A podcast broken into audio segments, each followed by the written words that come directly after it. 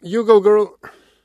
To je pa daleč najpomembnejša epizoda, Aljaš, v letošnjem letu. Ne bom rekla sezoni, ker sezone štejeva od septembra pa tam do julija, ne? ampak v letu pa pogledajte, kolikrat se je zgodilo, da sva padla tam manj na Božič. Ja, uh, lej. Ne, ja, veš, deva piko vprašati. Koga? A, pa si je rekla, da bereš te pogrošne časnike. Če pa sta padla na Božič, ne me zanima, kaj ima pika Božič o tem zapovedati. A, u, veš, kaj se je zgodilo v zadnjem letu, pa pol, viš, ti pa nisi bil doskrat vmes pri frizerju, zgleda se sam to pedenaš, ne? Fri, frizeraji nimajo več teh revi, veš, zdaj že jaz eno leto pa pol, ko pridem, sicer na redke je žal, ne, uh, ni več teh revi. Z, eden od ukrepov za pomoč pri preprečevanju prenašanja virusa. Tako da sem res slabo, slabo obveščena. Skratka, ne bo naslovov, ne, uh, briški in pengovbiten spadla na božič. Ja. Zdaj se vam ful potrudila, ful zanimiva, res, res je dobra epizoda, obeta met in čaj, še to tisti, ki ste se morda pridružili zdaj prvič. E, to je podcast o medijih, dobrih in slabih praksah, novih tehnologijah in trendih prihodnosti. E, gostje večinoma ali pa skoraj izključno v medijih delajo, z njimi živijo in o njih razmišljajo ali pa so pač na nek način povezani e, z mediji, z novinarstvom. In vaše gostitelja sva Aljaš Pangovitenc, Radio Chaos in e, Nataša Briški Metina Lista. E, komentarji in predlogi sva jih, e, sva zelo hvaležna za nje in so dobro dobrodošli na infoafnametina.si.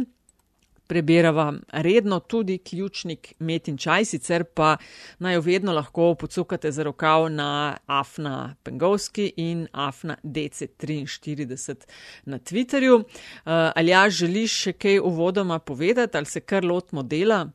Ker pojdimo uh, in medija sres, ne, ker uh, ljudje verjetno odpirajo darila, tisti, ki praznujejo. Da, ne, to, to se danes zjutraj se je počelo. Uh, ja, 24. se skriva, ja, 25. Ja. zjutraj pa se pol zbudi, o, le ja. mami. Da, če ste bili na spisku, potem imate zdaj cel kup dela. Če pa ste bili na ta drugem spisku, potem pa si lahko vzamete čas. Hvala, ker naj spremljate. Gost v tokratni oddaji je Gregor Bauman, TV Slovenija. Gregor živijo. Živijo Nataša in živijo Aljaš Pengov Bitenc. Uh, Gregor je nekdo, ki dela v medijih, pa za različne medije, že v olala let, ne, Gregor? Lej, ti, ti prepustim takoj na začetku vprašanje, ki je enako vsem in sicer, da se predstavijo v smislu svojega medijskega CV-ja. Tako da izvoli. Koliko časa si že?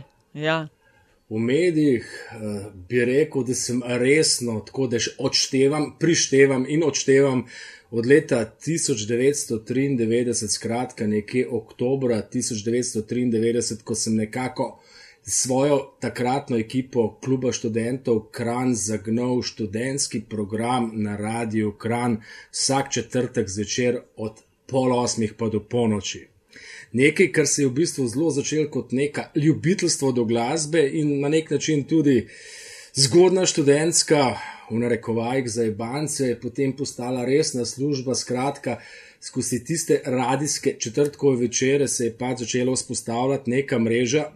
Da je nehote in na veliko žalost mojih staršev študij padel na drugo mesto, potem na tretje, četrto in boh ve, kje je sedaj in potem se je pa ta uh, pot nekako nadaljevala skozi časopise, revije. Mislim, da sem pisal za vse glavne časopise v Sloveniji in še nekaj revij, skratka, in na delu, in na dnevniku, in na financah, in za večer.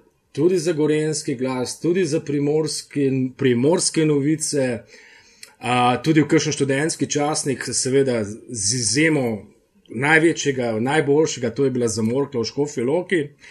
Uh, danes pišem še za odzven. Uh, mislim dejansko, da če bi zdaj vse našteval, vse medije, uh, da bi težko izpustili kakšnega resnega, tudi ne primo, potem je bil stop, uh, še kot neka najstniška, zgodnja najstniška želja, da pišeš za stop.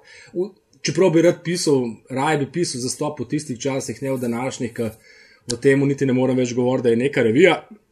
saj dokaj kakovostne, z resnimi, dokaj resnimi vsebinami in zabavnimi hkrati. Na koncu pa po nekih pretumbacijah pristal na aritmiji na RTV Slovenija in kasneje, skratka od leta 2016-2017 na kulturni redakciji RTV Slovenija, kjer sem od 1. februarja 2019 tudi redne, redno zaposlen. Skratka, po 25, skoraj 30 letih luftanja in svobodnjaštva imam skoraj dve leti delovne dobe. Skratka, v pokoju se bom pri 120 letih. Kakšen je občutek, ker si tako zdaj parkiran nekje za stalno, ali kako se temu reče? A, trenutno odličen, uh, imam odlično ekipo, posebej v pisarni in pa um, glede na čase. Svobodnjaštvo trenutno ne bi bila izbira, oziroma bi se znova mogel prisesati na, na starše, kot tisti zadnji izhod v sili. Uh, Eh, pa seveda, po drugi strani, zelo zanimivo delo, dinamično, vedno me je zanimala tudi slika, predvsem film, glasba, nekako koketiranje film in glasbe in to trenutno imam. Uh, kar se je tudi nekako potem rezultiralo v mojem filmskem prvencu skupaj z Dušanom Moravcem, Električne sanje, skratka biografski film o karieri Mihe, Mihe Kralja, ki smo ga ne na zadnje snemali tudi v Kočevju in predvajali tudi v Kočevskem kinu. Mm, uh, glasba, film, ali jaš to je te pisano na kožo? Ne? Ja, ne vem, zdaj sem tu čuten pritisk, veš. Uh, ampak recimo, no, če si um, Gregor dal že tak uh, pregled ne, tvoje, tvoje karijere, uh, pa zelo na splošno vprašanje, ali je glasba res umrla v 90-ih? To sem jaz celo enkrat rekel, zdaj pa, zdaj pa ugotavljam, da sem veliko 90-ih prešprical in da sploh ni bila tako slaba. Uh, v bistvu bi prej rekel, da je umrla v novem tisočletju, saj glasba kot medij, ki si se lahko nekako identificiral z njim in uh, v bistvu ustvarjal uh, nekakšen soundtrack svojega, svojih ali svojega življenja, svoje generacije. Uh, ker nekako, ko so mediji izginili iz te fizične oblike v neko pretočno, ko ni več skupin ali glasbenikov, ki bi izdali vsaj dva albuma, oziroma se dela vse na eno pesem, mislim, da je težko govoriti, da bi lahko imel neke trajne posledice, kot ima za naš glasba 70-ih, 80-ih in seveda tudi tisto, ki smo jo imeli za nazaj. Jaz posebej zdaj, ki se vračam nekako še fejs nazaj v klasično glasbo. Uh, Uh, skratka, uh, če nekako poenostavim, glasba v 90-ih ni umrla, mogoče se je malo slabše počutila, je pa definitivno zelo v kritičnem stanju v trenutnem, uh, se pravi, obdobju tukaj in zdaj. Uh, no, pa da je krva, da je nadaljevati, ne? ker ta isti argument se je že takrat pojavljal. Češ, konc 90-ih so bila konc roka, štrom je, mislim, e, e, e, elektronka je e, zavladala, da o, o hip-hopu in repu in tako dalje sploh ne govorimo. In uh, vsak sam, pač roker in popr, ki je dal kaj na se, je bil um, se zelo slabo počutil. Um, kaj je preživelo test časa iz 90-ih, ki recimo zdaj gledoč za nazaj, rečeš, aha, mogoče ne, pa vendarle sem bil prekritičen, kot si rekel. In pa drugo, kaj je tisto, kar trenutno najbolj pesti glasbeno produkcijo doma in v tujini. Uh, ne bom rekel 90, 90 se nekako glasba še je obdržala, ampak v 2000, začetku 2000, je bil nek revival, ki se je, rečemo, vsaj ta rokarska glasba zelo nekako naslonila na 80. Ne. Imamo bende kot so Editors in podobni, ki so dejansko prekopirali in posodobili na nek način Joy Division in vso tisto manchestersko sceno konca 70. začetka 80. in pa tudi manchesterska scena konca, 90, eh, konca 80. začetka 90. ta plesni uh, hop, dance, trend se je nekako razvijal skratka naprej. Uh, rokovska glasba ni izumrla zaradi tega, ker še vedno obstajajo rokovski veterani, ki jo nekako držijo, ampak jo držijo bolj za starejše generacije. Mislim, da novejše generacije nekako na kitare ne padajo, večkrat pa tudi ni slabo. Pač vsaka generacija, vsaka desetletje ali kakorkoli petletje ima svoje zakonitosti. Uh, mene današnja glasba ne prepriča, predvidevam pa, da nove generacije prepričajo, naprimer, sinovi od prijateljev so nori na hip-hop in v tem spočetju niso slabi. Uh, tudi, rečemo, kasneje, kasneje ki odkrivam, jaz zdaj mogoče malo hip-hop skozi pretelevanje z Dalaj Egolom in nekako gledam skozi njegovo kariero in tudi uh, klemna, klemna, ugotavljam, da je imel hip-hop zelo pankovska besedila, zelo neposreden in ne nazadnje Jani Kovačič rekel, da so uh, hip-hoperi, reperi, pankri nove generacije, kar tudi seveda ni napačna ugotovitev. Skratka, tista rokovsko-porniška država se je danes uh, premaknila v druge medije, v druge glasbene zvrsti, ampak glede na poplavo tega, je pa mislim, da to težko ločevati oziroma najdete. Klej pa problem tudi, da ni več glasbenih uredništev, ki bi plasirali v medije glasbo, ki ima ta nek družbeni in čustveni naboj. Ni več selekcije, vsak dan, saj jaz dobim na mail 500-600 nove muzike, fizično, fizično oh. to ne moreš preposlušati. Gregor, ja. Kaj si rekel? A si res rekel 600? Ja, 600, ja, 6D. Ja. Pač v Kranju govorimo 600. Ja, se, a, a, se reče, a se reče kot drugače? Ne, ne, ne. Ker, tako, omečkim krvavim. Ja. Okay. To je pač pravilna gorenščina. Mislim pa ne pazi, ne niti ne gorenščina, ampak kranščina. Kako veš, da človek pride iz hrane, a vprašaš ga, kako se reče 600 ali 600 in potem veš. Pazi, jaz, sem zaradi, jaz sem zaradi tega že hodil na televizijo nazaj, na novo Brd Ofe, ki me je um, redaktorica klicala, da sem prebral 600, 600 na me 600 in sem se vrnil iz uh, neke točilne destinacije nazaj in še enkrat prebral Of. Edina prav, pa še na koruzo bi mogel klečati. na ajdo, pa dejte, na, na ajdo bolj boli. Uh, Ampak, okay, gled, tako, zdaj gremo lahko v, v, v, v več koncev zapeljamo. Ampak na začetku bo slišati funk na manjk, ampak ne zgodil se, ker je rekla ciganka. Ne? In zdaj sta funk in punk prav skupaj. Um, pa to ni slabo, ampak, to niti ni slabo. Ni, no, sej to, ne. Um, se mi zdi pa dost, v bistvu ironično, ne, da, da tisti, ki so, tako se mi zdi, so ta pravi punkeri na uh, reperje, tako mečke malo dol gledali, češ kvasa vi zdaj greste. Ampak, uh, lej, ki si že omenil tis, tistih 500, 600 mailov. Uh, komadov, ne mailov. Komadov. Ja, komadov, no, no, to ja. Uh, Dobreč, slučajno sem na letu na uh, incident, ki se je zgodil v Avstraliji in sicer, da je uh, tip, nek visoko leteči voditelj neke TV oddaje, uh, so ga uh, samo plačali karto, mu je TV hiša plačala karto, da je šel v London snimati uh, intervju za Del, in on, nek, ki je ravno kar izdala nov album. Ne? In on, tako nekje dosti na začetku, pač pove, da on nekaj albumov v resnici ni poslušal. Mm. Poznam ta treščak, nedavno sem ga prebral. Tako, en no, skratka, kračo, ki sem ga prebral, ker ga tega ne berem. Skratka, sem imel preveč časa. Ne? Um, kako je danes uh, uh, sploh moč obdržati pregled nad tem, kar se dogaja, pa ne da bi se, da se, in da se ne bi prepustil algoritmom ala Spotify, Amazon Music in podobnemu. Uh, ne mogoče, ampak to ni v narekovajih današnja bolezen oziroma trend današnjega časa. Ko sem bil jaz leta 1995 v ZDA in smo potovali od vzhodne od zahodne do vzhodne obale, smo v manjših krajih srečavali številne eh, manjše radijske postaje z nevrjetnim glasbenim arhivom, kjer 99,9 odstotka bendov glasbenikov nisem poznal. Tako da to ni današnji trend, današnji trend je samo to, da ti to vse pošiljajo in te prepričujejo preko nekih algoritmov, da je to dobra kakovostna glasba.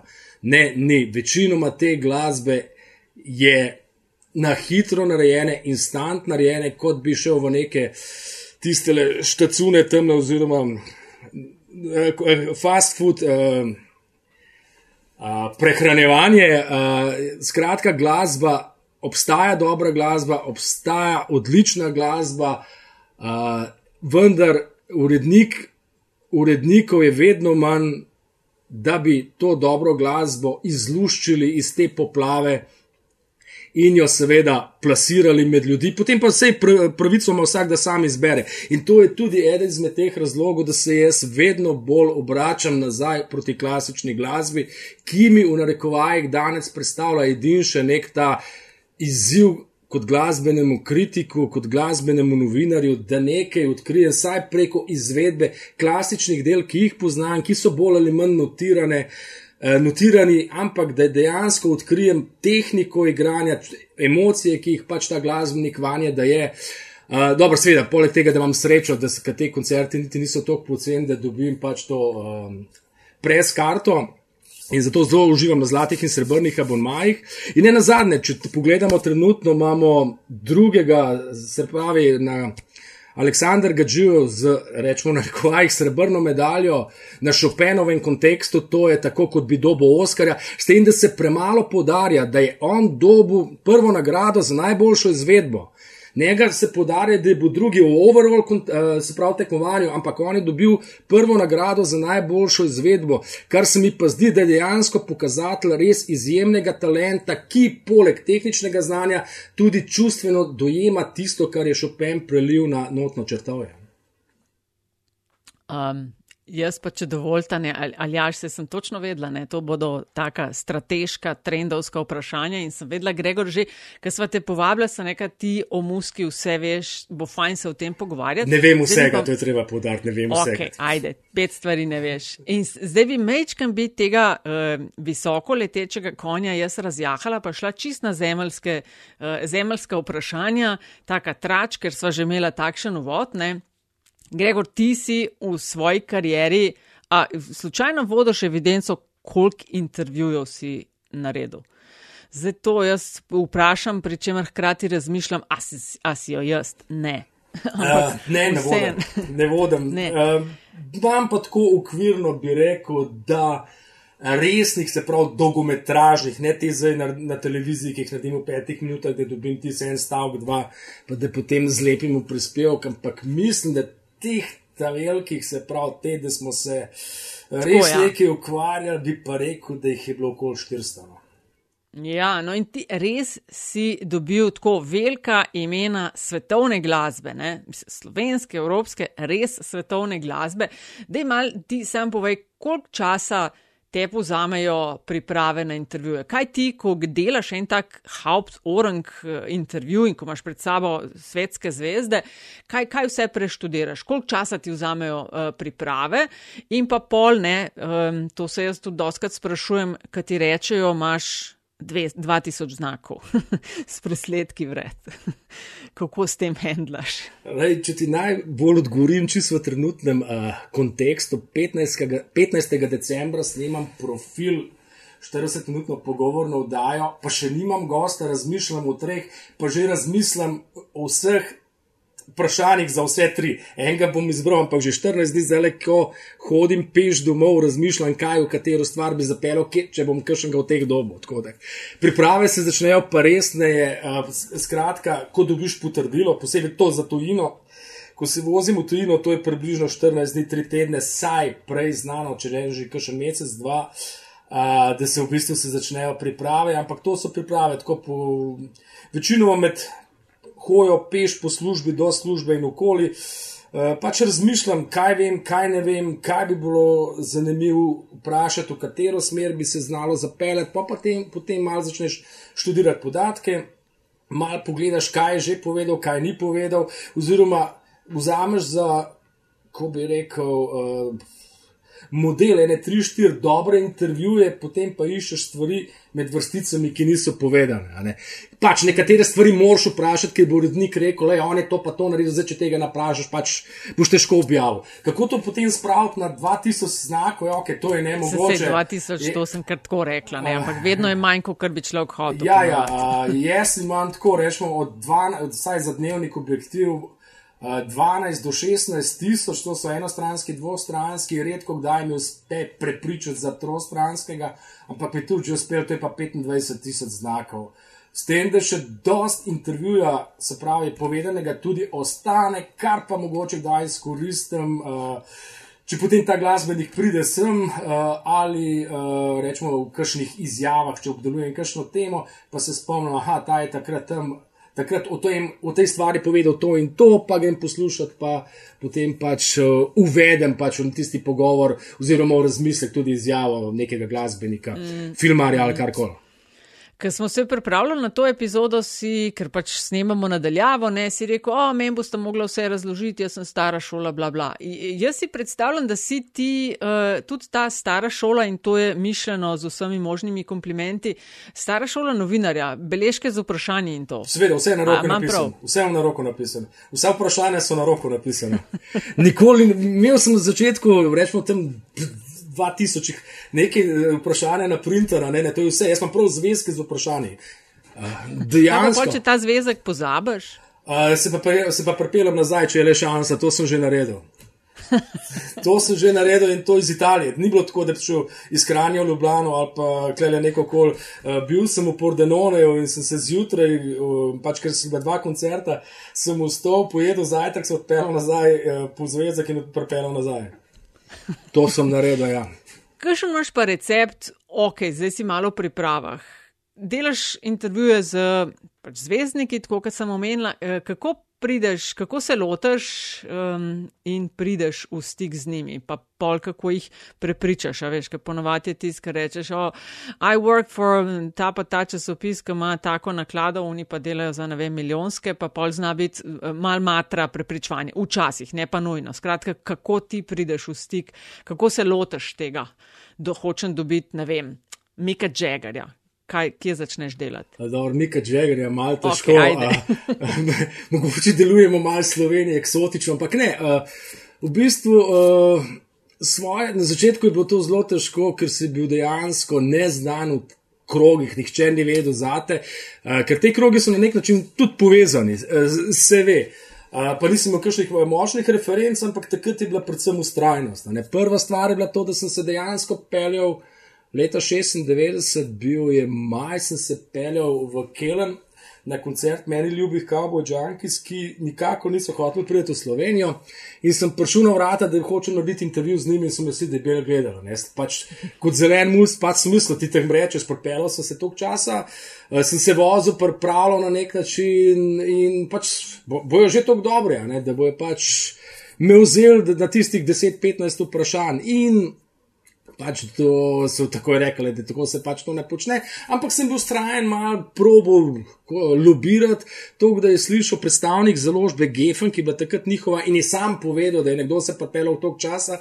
Uh, iz Slovenije, 1000 km v eni stari katri, ki crkla polna zagrade, Uh, in je povedal, in so me oni dejansko, se to je bil pa tak zelo, uh, kako bi rekel, surrealen moment, sred koncerta z odra povabili, da ne se oglasim po koncertu.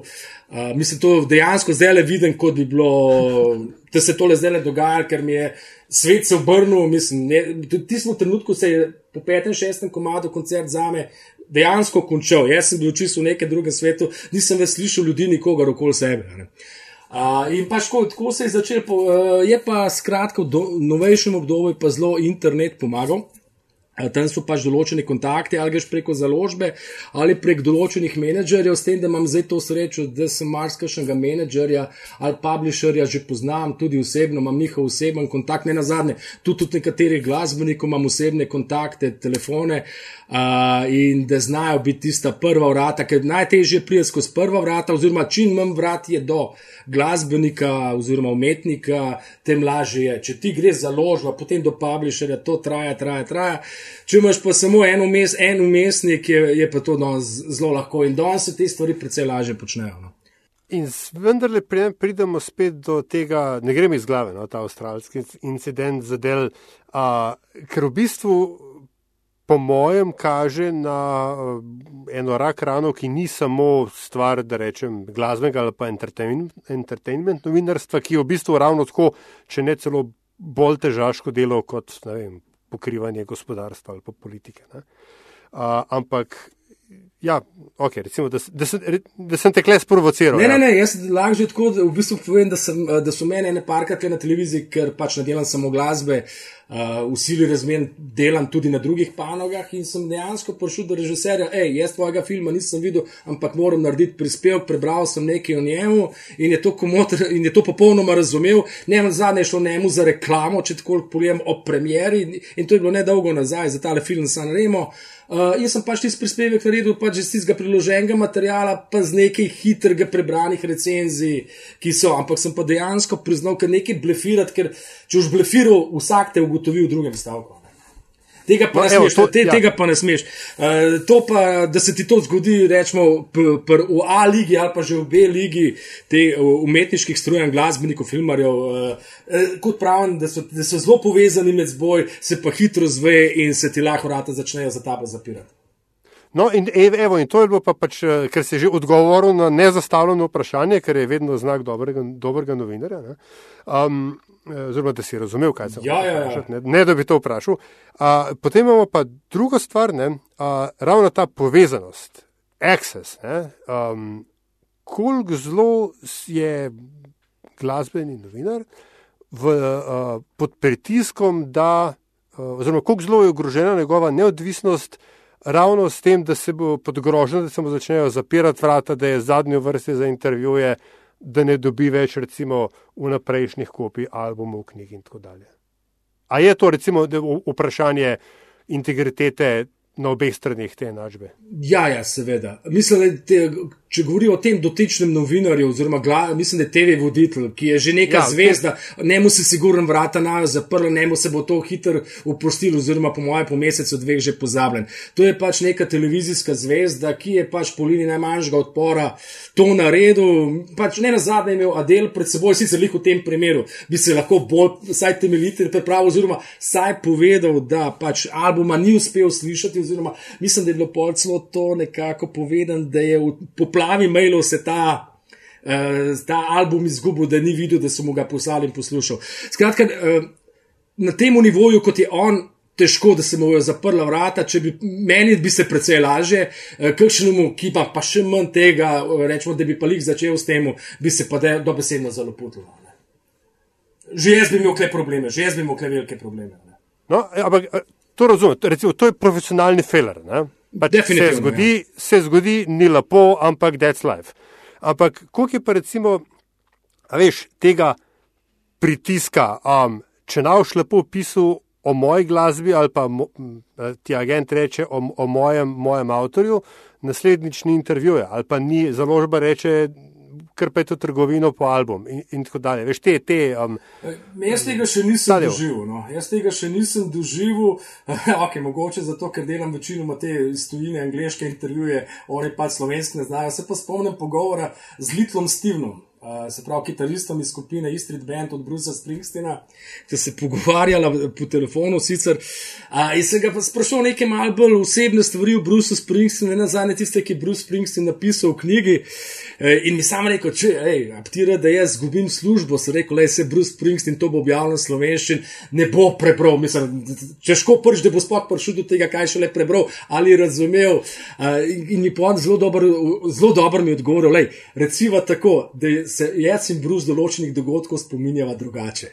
In je bil ge, genialno, genijalen odgovor. No, uh, skratka, nisem še imel tega, tudi da sem kakšno stvar pokritiziral. Uh, ne na zadnje, eh, tudi eh, določenim glasbenikom, v bistvu prijateljem tukaj povedal osebno, mogoče nisem pisal, sem pa povedal osebno, in ni bilo nobenih razmer, ker jaz še vedno pravim to, če imaš nekoga rad, če ga spoštuješ, vamo tam, mu poveš pošteno, če už pa nekaj zavijo celofan ali hvalijo nekaj, kar je slabega. In ne na zadnje, to tudi moji prej omenjeni skupini Cowboy Junkie, sem Michael Tim in so kasneje rekli, da je tale plošča Open, vam pa ni najbolj ratala. Ne? Pa je tako na začetku malo gledal, ja, pa smo probali to, pa to, pa to, pa to.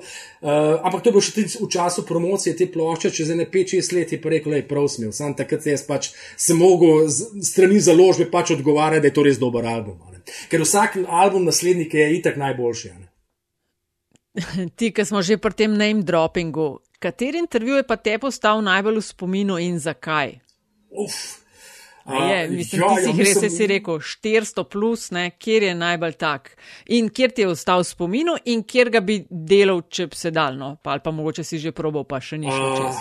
To, ta vprašanje sem večkrat dobo. Edin intervju, ki mi je žal, da ga ne bom mogel narediti v življenju in edin številka ena, kadarkoli na svetu, kadarkoli, kje, kdaj, bi bil David Bowie.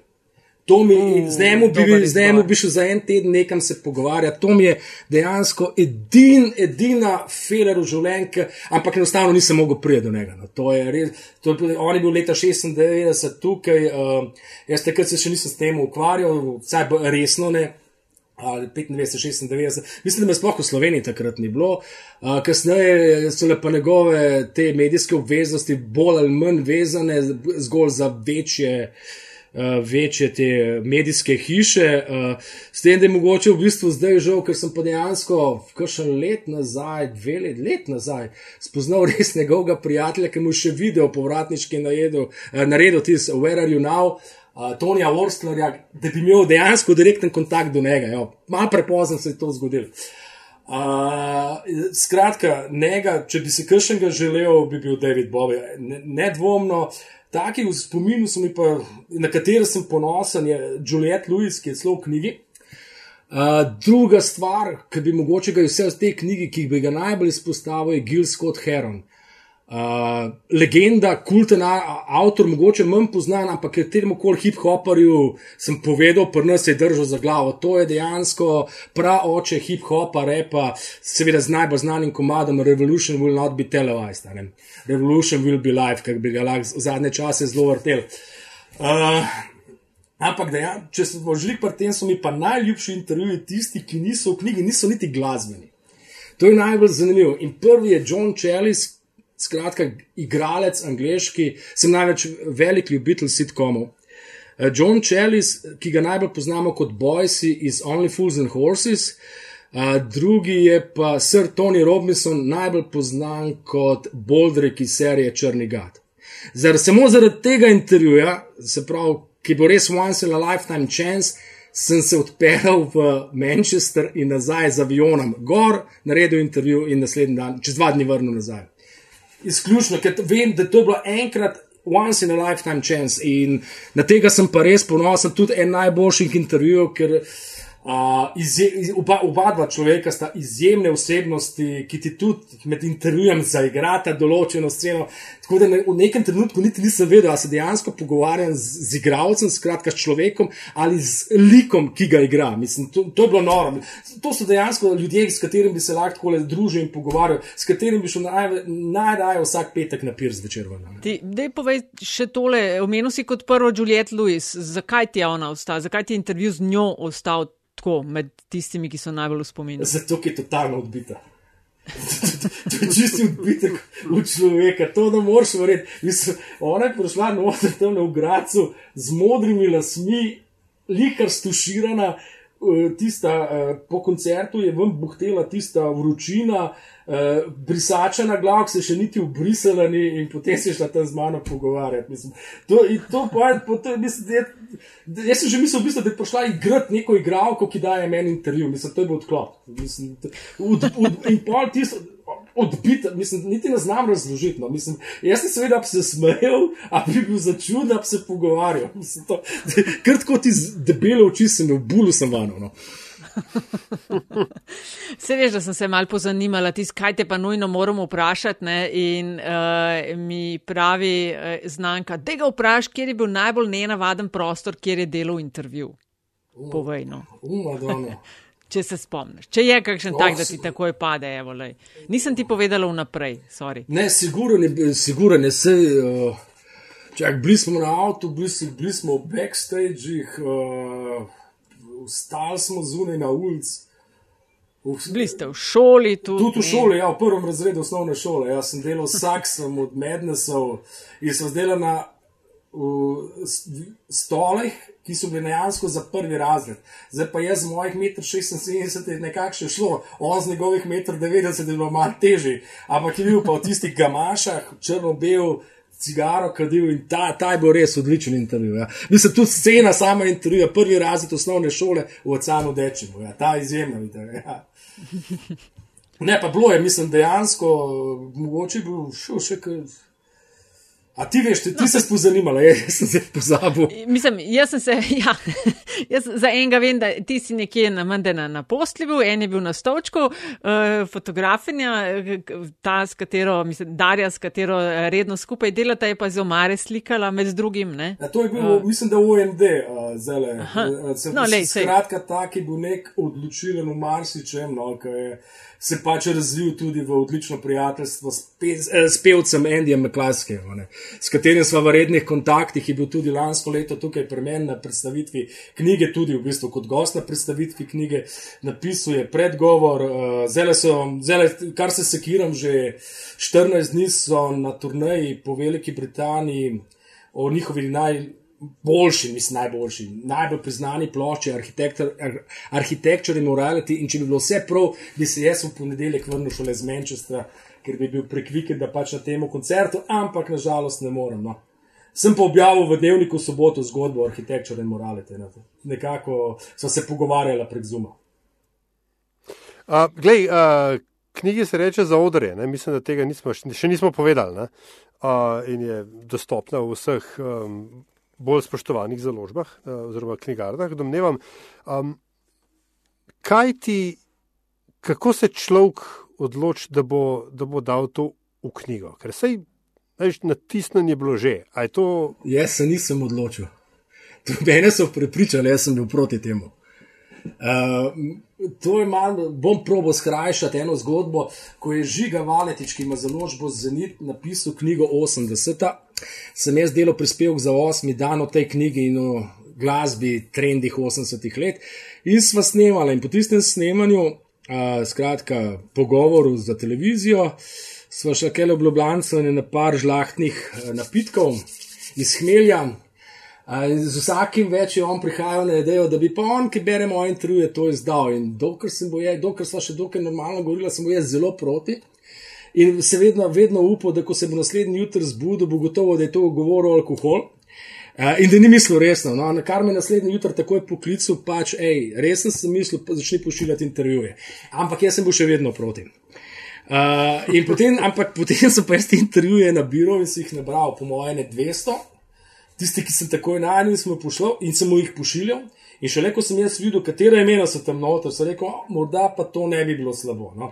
Ampak to še vedno sem bil, še vedno sem bil proti. No? Na kar je pa on to nekako izbral, naredil tudi, kako bi to približno izgledalo, kaj in potem, so ideje parali, so rekel, pa aj, dajmo pač to končno narediti. Uh, pač da vidim, pa, če je človek uh, pripravljen to uložiti za mojega dela, ki je bilo že storjeno, in ena zadnja mi naredi, to sem v full hvaležen na najboljših vizit, kar mi jih lahko kdorkoli naredil, pač da je moj izdati in smo izdal. Uh, in se je pojavil kar neverjeten velik zanimanja, uh, predvsem, ok. Zdaj bom rekel zelo grdo, ampak najbolj, ker sem videl, kdo je te stvari kupil, ko so naročevali po žigi Valetiču, sem najbolj cenil tiste, ki jih ne poznam. Zdaj, ki jih večinoma veliko prijateljev kupala. To je zdaj grdo rečeno, ampak dejansko me zanima, dobesedno zanima, s čim sem prepričal tiste ljudi, katere ne poznam, da so kupili knjigo. In mislim, da glede na to, da sicer je bila naklada 250 in da je bolj ali manj pošla da je pač recenzenskih, oziroma teh friz vodov ni več, da, je, da so me potem še ljudje, da je dejansko klicali, jaz sem pa tvojo knjigo kupil, daj si, kje, daj si to pisal. Uh, mislim, da je dejansko naklada šla bolj ali manj čestno, kar sem zelo zadovoljen, pa ne zaradi sebe toliko, kot za človek, zaradi človeka, ki je vanjo vložil čas, denar, pa tudi ne na zadnje svoje dobro imene. Volume 1 piše gor, ne? če se ja, jaz to. prav spomnim. To pomeni, da je še drug del. A, ne, ne bo. Ne. se vem. A, ni rečen, ne, ne, ne, ni rečen. Uh, volume 1, mislim, to je pa še druga zgodba. To meni dejansko. Uh, V bistvu sem ugotovil, zakaj je ta volume 1 prišel tako pomemben, ker sem takoj še prednje knjige išla, so mi direktno klicali z nuka ali morajo zraven te knjige še pustiti prostor, oziroma napisati, da bo to še šlo v nadaljevanjih. Pa sem rekel, pa gospod, pa vi veste, da je to za bance, da sem jaz prišel v dveh zjutraj, dan, mal sem ga imel, pržgal sem YouTube in potem sem se pa spomnil, da George Michael. Eh, je leta 1991 izdal ploščo Listen Without Prejudice, volumen 1. Ne? In volumen 2 nikoli ni šel. In jaz sem čakal, kdaj bo volumen 2, pa ga ni bilo, pa je šel Oder, pa pol plošče, simfonika, naprej volumna 2 nikoli ni bilo. Skratka, delno je to lahko brati uh, tudi v tej, s tem, da ni rečen, da mogoče pa volumen 2 enkrat ne izide, pa tudi posvetilo pač Dari, ki je z mano hodila, ki me prenaša in ki je fotografirala vse te koncerte kot veliki fenici Georgea Michaela. Uh, Klej imamo dejansko njegovo sliko z, uh, z, njen, z podpisom, z originalnim podpisom Georgea Michaela, saj pravi, da je originalen. Uh, tako da je pač neko posvetilo vsega tega trpljenja, ki je pač ga mogla zmaro na moji poti, uh, ker sem pač zelo punktih in uh, pač očitno nemški ring deluje, da je pri meni vse natančno in po regalcih in se je to tako vse dogajalo. Uh, pač tudi posvetilo njej in Georgeu Michaelu in pač te zgodbi, nikoli dokončani zgodbi. Uh, Um, tako da sem nekako zaključil, da je mogoče niti ni slaba ideja. S tem, da sem mislil, ko sem, pred, ko sem predlagal to zgodbo uh, uredniku, da bo rekel, ma ne, to je brez veze, pa to, ampak je tako vzel. Ne. Kar je na koncu spadal dober medijski kečev.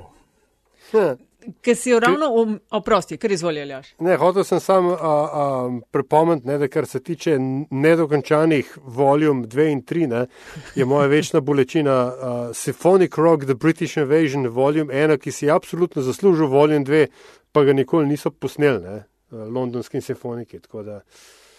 Te razumem, hočem reči, oziroma razumem nuk v, v primeru tvoje knjige. Ne.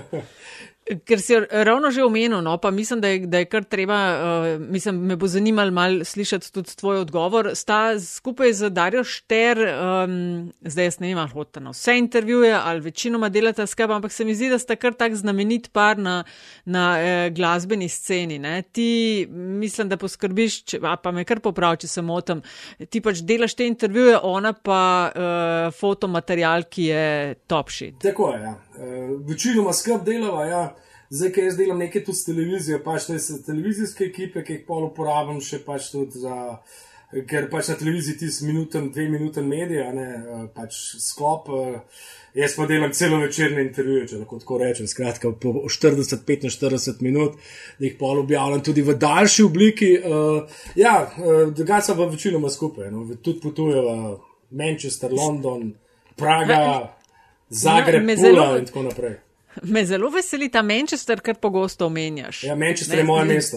Okay, ni zaradi Ronalda, ne? Sem, ne, okay, ne, ne, ne, sem pa fan Manchester United, pa ni to povezan prej z manchestersko glasbeno sceno.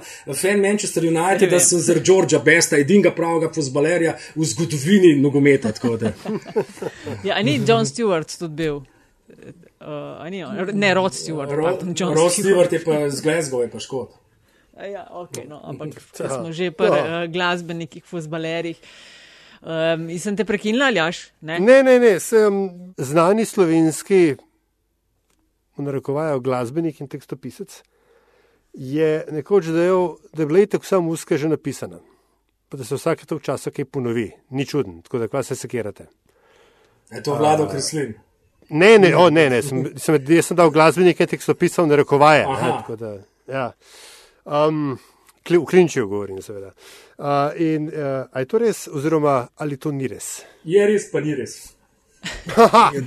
Oboje, uh, vlado Kreslin, evo, ki sem ga želel omeniti, je rekel, da je bil v bistvu istak že vse povedan leta 72, da hu live et lica. Ne. Na nek način, ja, na nek način, po nevzorci se ponavljajo, posodabljajo, uh, vedno se na, z vsako generacijo prihajajo novi poudarki, novi akcenti, ki posodabljajo tradicijo popularne, klasične, se imamo danes tudi moderno, klasično glasbo, ki je zelo improvizatorska, če je treba. In uh, ni, je pa ni, skratka, to je vedno. Glasba se deli na dobro in slabo glasbo. Ne.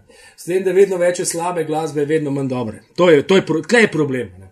Do pa da je že vse napisano, če, tudi če so dobre priredbe ali če je dober v narekovajih, uh, to je zelo v narekovajih, ukraden oziroma dober premontiran, zakaj ne. Dejansko, zakaj ne. Posebej, če pride zraven novo smiselno besedilo, uh, kar je zelo pomembno. Vsi poslušamo glasbo. Uh, v, v polju glasbe je tudi zelo pomembno besedilo, ki ga mnogo, mnogi več sploh ne berejo. Ne. To, zato mnogim glasbenikom, oziroma vsem glasbenikom, ki jih cenim, rečem, rečem da morajo tudi posebej izdati na plošči besedila ali potem kakšno pesniško zbirko, da se nekoč preberejo besedila brez tiste zvočne podlage zraven ali nadlage. Um, ni to po, podobno kot pač in tvoje intervjuje? Ker pač ti si intervju naredil, objavil v, da rečem, nekem miljeju, tudi časovno, ne? zdaj pa on stoji sam zase izven um, aktualnosti trenutka. Ne? Ja, definitivno, ampak komunicira pa s časom. Ne? Uh, na, nek, na nek način so te intervjuje pač narejene. Ko, ko ti intervju objavljaš, je zgodba že pretekla. vsaka ja, zgodba, vsaka, tudi zvečer, ko objavim jaz prispevek na RTV, je zgodba že pretekla. Ne? Zato je pa treba iskati vsebino, vsebinsko povezovati, oziroma z tega intervjuja, z te zgodbe, mogoče potegniti, kaj sem zaključil. Ker to je pač tudi v tej knjigi, ki sem mislil, da ne bojo takoj ugotovili, ampak Jure Potokar, taki je pisal, tudi spremno besedo in nekakšen moj role model tukaj v Sloveniji je rekel, ko je prebral knjigo, da to v bistvu ni knjiga o intervjujih, da je to knjiga v bistvu o pop kulturi, o pop trendih. Sem mislil, da bo ta skrivnost malo dlje časa trajala, ampak on je že prvi dan razbil.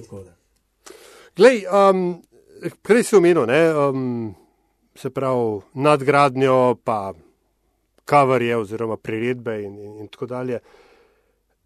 A je možno, da je priredba ali pa poizvedba, uh, verzija komada postane bolj vplivna? Kot, kot njen, njen original, oziroma original skladbe. Namreč, zakaj to sprašujem? Uh, otrok 80-ih, letnik 78, kot, kot sem rojen, sem seveda odraščal z Tainted Love in uh, kaj so že bili mehko selico v ušesih. Ja. Elektropop. Uh, Elektropop. Ne? Potem pride Marilyn Manson in so vsi ti darkari okoli mene, o, stari, to je ful dobro, se reko, stari pizda, da ti ne veš, kaj je resna glasba. Ne? Na kar uh, v malce zrelejših letih ugotovim, da je original, seveda, ravno iz tebe ljubih koncev prihaja, uh, kot Northern Soul, yeah, ja, Northern Gloria Soul. Jones. Yeah. Ja.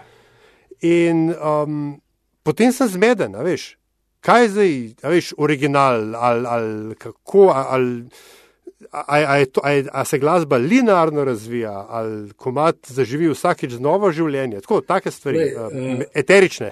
Najbolj ti odgovorim, najbolj preprosti odgovorim, da je glasba subjektivna. Rock and roll ni objektivna stvar, popularna glasba ni objektivna stvar. Rock and roll je moj in tvoj in ti sam v njemu poiščeš tisto, kar tebi najbolj paše. Marskašna priredba je uspela boljš kot original.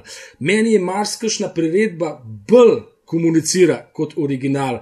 Ni pa rečeno, da je za mene, za tebe ta priredba ali bo original boljši. Skratka, sam se odločiš. Jaz imam nekatere priredbe, ki so vsaj za moj okus. Boljše od originala, taka je naprimer Sweet Jane od Cowboy Junkies. Celo blasfemijo bom zdaj rekel, da je priredba od Jeffa Buckleya, Aleluja, boljša od originala Leonarda Cohena, s tem, da je od Leonarda Cohena genialna. Poveš, kako je naredil Jeff Buckley. In takih primerov uh, bi lahko skozi zgodovino popularne glasbe našel veliko, ampak klej pa zelo pomembno to, ne da ti delaš priredbo pesmi na pokopitu, kot je že narejena. Ti moš najti svojo verzijo komada, tisto, kar ti začutiš, skratka, ga totalno prepriredi, če je treba, da ostanejo samo še osnovni harmonični ali tekstovni vzorci. To pa pomeni, da si ti ta komat na nek način, ko bi rekel, ukradel. Ne na zadnje, celo bitli niso bili imuni do tega, mnogi imajo, with a little help from my friends od Joea Cockerja za boljšo verzijo, kot je original od Beatlesov. Jaz sklej lahko tehtam en bolj sedel od Joea Cockerja, še posebej tisto, kar je bilo na Woodstocku, ampak ker sem pa enkrat se bolj poglobil, rečemo posebej ta drug del Beatlov. Uh, po letu 67, oziroma zadnji del Beatlov, pa vidim, da tist, na tisti plošči, se pravi na Sgt. Peppersu, odlično komunicira za celotno zgodbo cele plošče. Kar si jih že omenil, um, moramo vprašati, ne? Beatles ali Rolling Stones? The Clash. V redu, ok, šteje. Razmišljam vaš čas, Gregor, dve stvari. A si ti kakšen bend kdaj imel, ali si na nek način od strani spremljal te zadeve vedno? Ne, uh, benda. Nisem musko nikoli. Ne, uh, izhajam iz glasbene družine. Uh, moj mati je bila pianistka, tudi nekaj se z baletom ukvarjala, stric je bil dirigent in direktor Kranske glasbene šole. Uh, moj stric, se pravi, bratranc od mati je Vasko Repinc, Bele vrane, Mladi Levi in si Greentown Jazz Band in tako naprej. Tudi sam sem nekaj igral. Uh, inštrument, imam nižjo glasbeno šolo, klarineta, ampak po določenih trenutkih, in to mi je najboljša stvar v življenju, oziroma druga najboljša stvar, prva to, da sem izgubil predsodek do glasbe, bilo katere glasbene zvrsti, je pa to, da sem gotovo, da imam glasbo preveč rad, da bi jo uničval in sem klarinet dal na stran in sem tipičen kliše propadlega glasbenika, ki je postal glasbeni kritik. In ta druga stvar, ki se vas sprašujem, je. Um...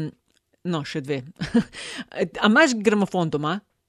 Maš, ne? In plošče take tiste še iz tistih prejšnjih časov. Nataša, jaz sam eh, vinilke kupujem pa kasete. Jaz CD-jo, že po mojem zadnjem CD sem kupil leta 2006-2007, zadnjih 20 let in tudi takrat nikoli nisem nehal. Uh, kupovati vinilke zadnje čase, zadnjih 5-6 let sem pa zelo padel znova na kasete. Uh, ki nažalost se spet na nek način vračajo, kar pomeni, da se držijo, to mi je škoda.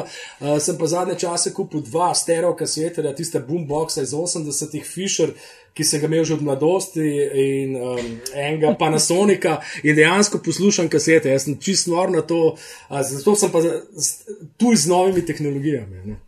Ja, okay, čakaj, vprašaj, ampak uh, vinilke razumem, ne? ampak kam imaš pod kasete?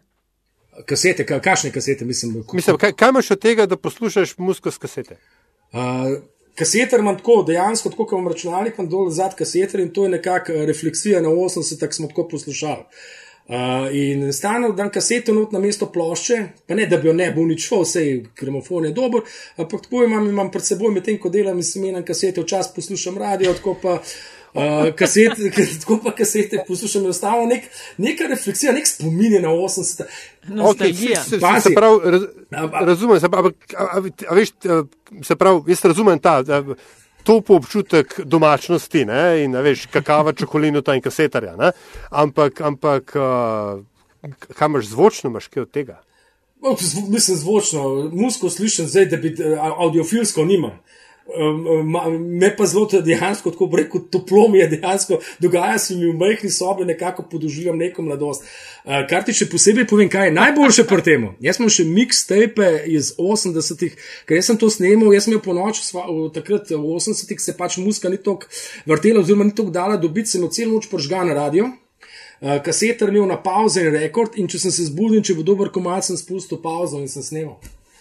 Ti, a si zdaj doma? A si zdaj tam, imaš kasete? Ne, ne, na... sem v Ljubljani, nisem, ni, nisem oh, v kraju. Bi me ful zanimal, kje jih pet kaset imaš, recimo, zdaj tam čist per se. Pa, kje imaš? No, uh, ti, la, ti pa lahko povem. Uh, no, vem, vem, da imam od Ari, uh, od Ari M, uh, dokument. Uh. Uh, potem imam od Suzy and the Benches Look into the Glass. Uh, potem uh, imam mixtape, ki sem ga snimal tam 86, 87, na katerem so Scorpionsi, na katerem so OMD, na katerem je Giorgio Moroder, uh, Zizi Top, uh, potem okay. Van Halen je gor, potem imam kaseto od Shakespeare Sisters, uh, to imam. Uh, pa, uh, v redu, v redu. A ja, pa, ja, pa, Martin Krpana imam. Zelo sem si Martin Krpana, tako je še Martin Krpana. Ja. A, a una, um, kaj že, tista črna. Ja, črna pa rumena, ja, tako je, črna rumena. Ja, ja, ja, tako, tako. Ja, ja. ja, uh, in se, a si uporabljal ta um, stručni pristop, da si dal rekord pa pauzo, da ni naredil klik na začetku in na koncu snemanja. Seveda. Veš, kaj je najboljš pri teh mixtapih, ki sem jaz na nauka, jaz ene 5-6 let sem bil brez kasetarja in si potem ti maršal to ven iz spomina. Ampak, eh, ker sem pol te kasete, ki sem jih tam v 80-ih snemal, uh, skratka, uh, takrat so se pač glasba se tudi prekinjala, ne, z kakšnimi govori in podobno. Ja, ja, ja. In posebej v, v, v nedeljah popoldan je bil tam na, na valu 202, je bil športen program, kjer so se stalno javljali z nogometnih tekem po bivši Jugoslaviji, oziroma po Jugoslaviji, ne vem kaj, bivša Jugoslavija, to mi tudi ni jasno, kaj zdajšnja Jugoslavija, zdaj lahko govorimo o bivši.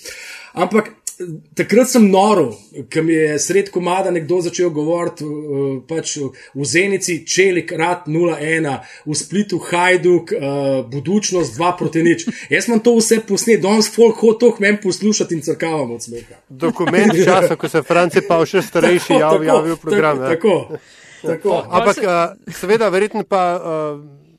Kaset japonske skupine TDK ne kupuješ, nekaj se neč ne sliši. Uh, TDK sem kupoval, ja. jaz sem bil fan TDK. Ne, ne, to, to, to je, to je star štos iz, iz tistih časov. Da japonska skupina TDK ima tukaj za en kurc musko, se neč ne sliši. Ja, ok, ja. Sorry. ja, ja, zdaj razumem. Ja, ja.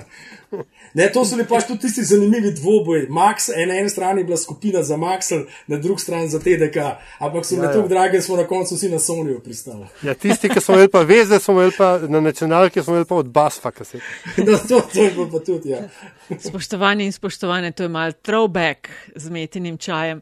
Eh, ti, ki smo glih v teh prazničnih časih, ne, kaj, kaj se posluša? Kaj posluša Gregor Bauman? Te božično-novoletne praznike. A kaj zamenjaš ali to tepnoč ne igra vloge? Uh, ne igra mi vloge, pač odvisno od občutka, počutja. No, občutko, počutja. Okay. E, v zadnje čase, ampak ker kupujem toliko veliko novih plošč, da sem štiri na roču. E, skratka, čakam, da pridem, potem poslušam tisto, kar na zadnje pride.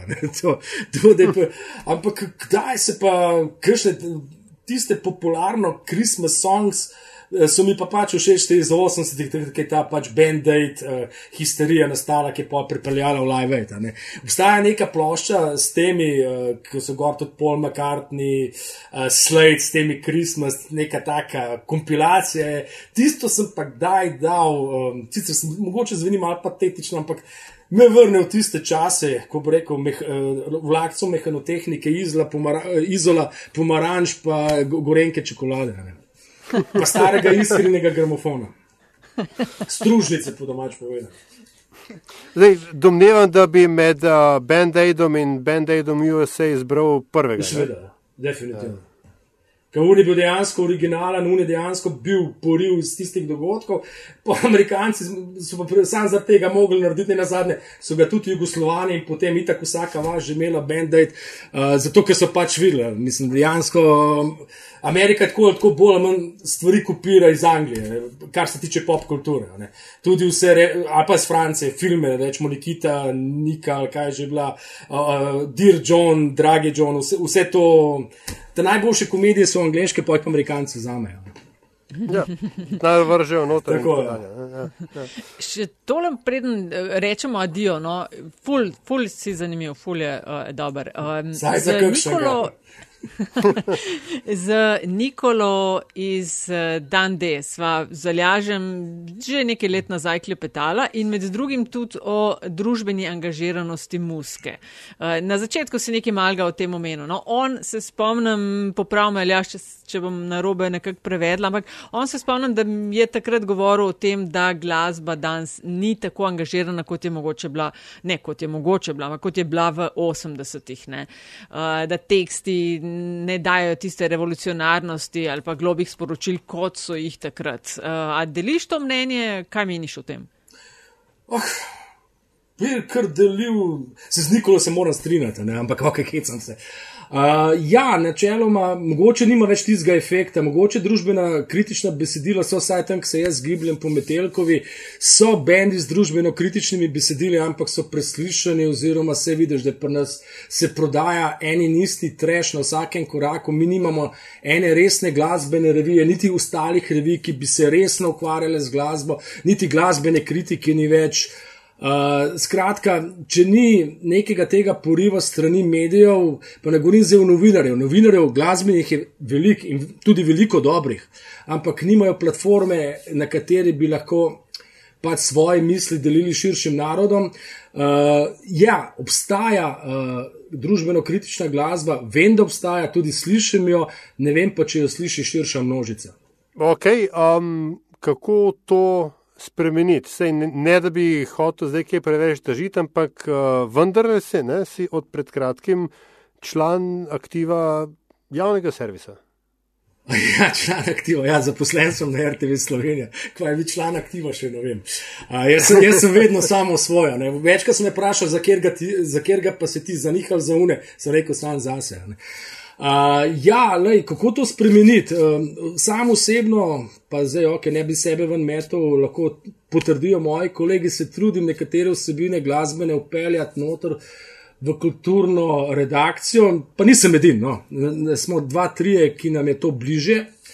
Trudimo se, ne, nekatere stvari grejo skozi, nekatere stvari ne grejo skozi, je pa velik problem, da nacionalna televizija nima glasbene oddaje, kot je bila nekoč aritmija, ki je bila dobra, ki so ji učitelj, da je alternativna in vem kakšna, pa bolj pop, kot smo bili, sploh ne bi mogli biti, ker če se mi za res alternativno glasbo, res tisto ukvarjali, ne verjamem, da še mi lahko to poslušali. Uh, tako da mi smo bili v bistvu zelo pop, delali se dobro, dobri kolumnisti, dobre intervjuje so se delali noter, ampak uh, skratka začel se je rušiti s pač s tipičnim slovenskim trešem, let's go country. Skratka, če ima alternativna po njihovi glasbi ali pop glasba, moramo še slovenski treš, ne glede, da je slovenski treš, ima vsak petek in soboto po cele ure vdaja. Ne, ne na zadnje. Uh, sej poznate tisti grafit, da so modrijani nove Slovenije še kunst. Uh, pač ni, ni nekega, pa, pa evo, zdaj sem pa dobro najdel slo. Nacionalna televizija, ki bi mogla uravnotežiti programa. Ne. Skratka, evo, klele nimamo uravnotežen, sploh ne. E, to, ko čitajo, da ni uravnotežnosti, evo, dejansko promajo, res jo ni. Gregor, rabiš svojo oddajo, vidim. Uh, ker to, jaz, jaz to stisko, tudi ker sem pač dolgo leta delala na televiziji in, in doživljam in živim to svobodo, ki ti jo tudi splet ponuja. Skratka, ni treba minuta pa pol, ampak lahko si eno uro, dve uri, da, da to, uh, a rabiš en ventil, en kanal, da boš objavil vse. Vsaj... Vsega, vsega se tudi ne splača objaviti. Ne, sej ne mislim, da je čisto vse, vse. Ampak, veš, če delaš z nekom intervju 45 minut, pa, pa veš na televiziji, da imaš dva soundbita za 15-10 sekund, ne, boli. Ja, zato mi pa celo rad prepričati pred časom, se kažem let, pa dve let nazaj, ko smo šli, v decembru, mislim, da bo dve let nazaj, uh, sem šel v München delati intervju z Midžom Urom ta, ki je tudi soorganiziral Band-Aid in soorganiziral potem veliko prioriteto Live Aid, ki je mene pripeljala do tega, da mi zdaj sploh govorimo. Uh, in, in dejansko, potem, ko sem prišel tam, v bistvu sem mogel za 8 dan delati, kar pomeni ne 3-4 izjavce tam do minute, pa moji ofi v tistih 5 minut spraviti. Ampak jaz sem videl, da imam 40 minut odličnega intervjuja in sem šel do glavne urednice takrat in sem rekel, lojte, meni. Vem, da ni pač oddaja profil temu namenjena, da je to študijski pogovor, ampak se mi zdi, da bi bilo škoda, vrš, da je to lahko fajn, ker smo s trem kameram snimali. Mhm. Da bi mi to lahko fajn zmontiral z montažerjem, dan kaj muske, motor, pač malo glasbenega predaha in da se dobra zgodba lahko pove. In so celo to odobrili, da smo naredili neko posebno oddajo, znotraj oddaje, profil sicer kot profil.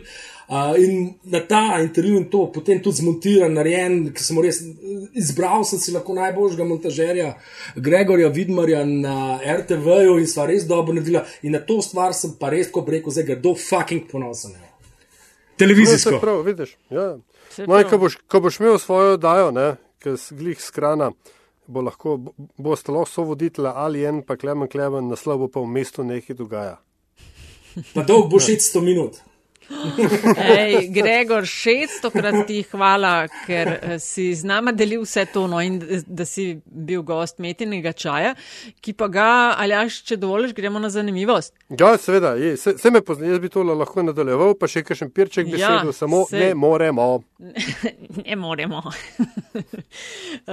vedno končujeva podkaste z enakim vprašanjem vsem gostom in gostjem. In sicer, da z nami delijo neko zanimivost, lahko je to priporočilo sporočilo, zgodba, anekdota, lahko povezano s tvojo profesionalno kariero, lahko nekaj čisto X, skratka, da nam poveš nekaj, česar ne vemo ali pa nekaj, za kar oceniš, da bi uh, naše poslušalce in poslušalke uh, znalo zanimati. Tako da izvoli. J jaz sem uživala v tej uh, urci um, in bi gladko lahko še, tako da se, če ne drugače, dobimo na pijači, ampak evo, zanimivost. To, to, v bistvu, to je vprašanje, ki ste mi ga postavili naprej, ne malo premislil in sem premišljal in premišljal. V bistvu, a, spomin mi je že malo peša. Uh, bi lahko se vrnil pač na neke zadnje zanimivosti, ali pa na neko, uh, ki se mi zdaj nekako že vedno bolj izbiram, da jim zdaj povedal, da se res človeku lahko zgodil v življenju, ampak res marsikaj, še posebej meni, ker se mi res samo odbite stvari dogajajo. A, pa se bomo vrnili na Motovu, no, sem Ataša, ti si celo bila na Motovu, enkrat na festivalu, na Motovunski festival 2014. Ja.